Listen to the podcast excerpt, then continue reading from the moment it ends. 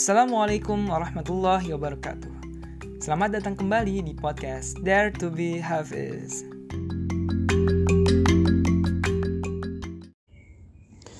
أعوذ بالله من الشيطان الرجيم يا أيها الذين آمنوا إن تنصروا الله ينصركم ويثبت أقدامكم Aku berlindung kepada Allah dari godaan syaitan yang terkutuk. Wahai orang-orang yang beriman, jika kamu menolong agama Allah, niscaya dia akan menolongmu dan meneguhkan kedudukanmu. EAA yang ke-67 yaitu Quran Surat Muhammad ayat ke-7. Ini ayat yang sering kali menjadi favorit atau gacoannya anak-anak rohis di SMA. Karena ya, sering kali yang didoktrin ya ayat ini gitu. Ayat yang bikin kita semangat lagi gitu ketika sedang down gitu. Ayat yang bisa memotivasi diri kembali ayat yang biasanya menjadi favorit lah pokoknya gitu jadi intinya jelas banget ya gitu bahwasannya ketika kita menolong agama Allah gitu misalnya Allah akan menolong kita bahkan meneguhkan kedudukan kita dan dari ayat ini dulu gue dapat pelajaran banget sih. Gimana akhirnya ketika masa-masa yang sekolah berorganisasi terus banyak tugas banyak juga ujian dengan adanya kesibukan justru bukannya malah nambah beban tapi justru malah bikin berprestasi gitu. Atau ya mungkin dengan dengan keterbatasan waktu yang ada gitu.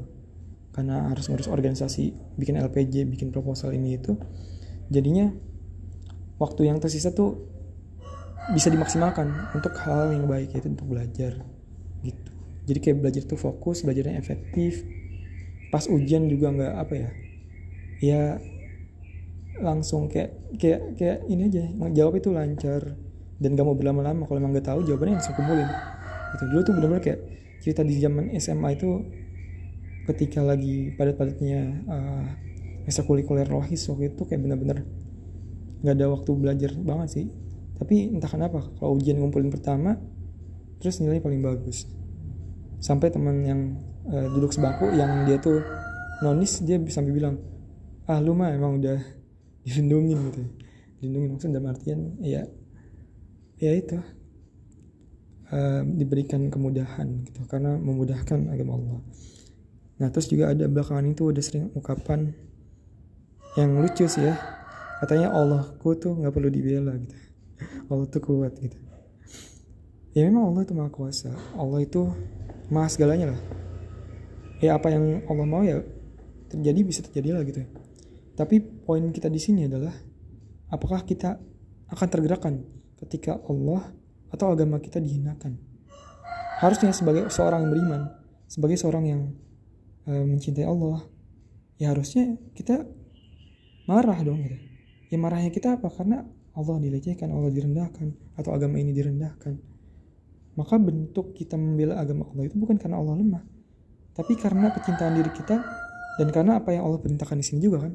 Ujung-ujungnya apa nih? Ketika kita menolong agama Allah ya atau ketika kita menolong Allah ya Allah akan menolong kita dan bahkan meneguhkan kedudukan kita. Jadi intinya adalah untuk diri kita sendiri. Kembali lagi, kalau misalnya kita beriman, harusnya ya kita menolong agama Allah ketika agama ini dilecehkan. Harusnya kita marah ketika agama ini direndahkan. Bukan terhadap diri kita sendiri ketika kita diejek, kita mungkin biasa aja. Tapi kita marah ketika kita agama kita direndahkan. Maka di situlah letak keimanan dan semoga kita termasuk orang-orang golongan eh, termasuk yang golongan yang menolong agama Allah sehingga kelak Allah akan menolong kita dan meneguh, meneguhkan kedudukan kita. Amin Allah dengan segala firman Allah. Wassalamualaikum warahmatullahi wabarakatuh.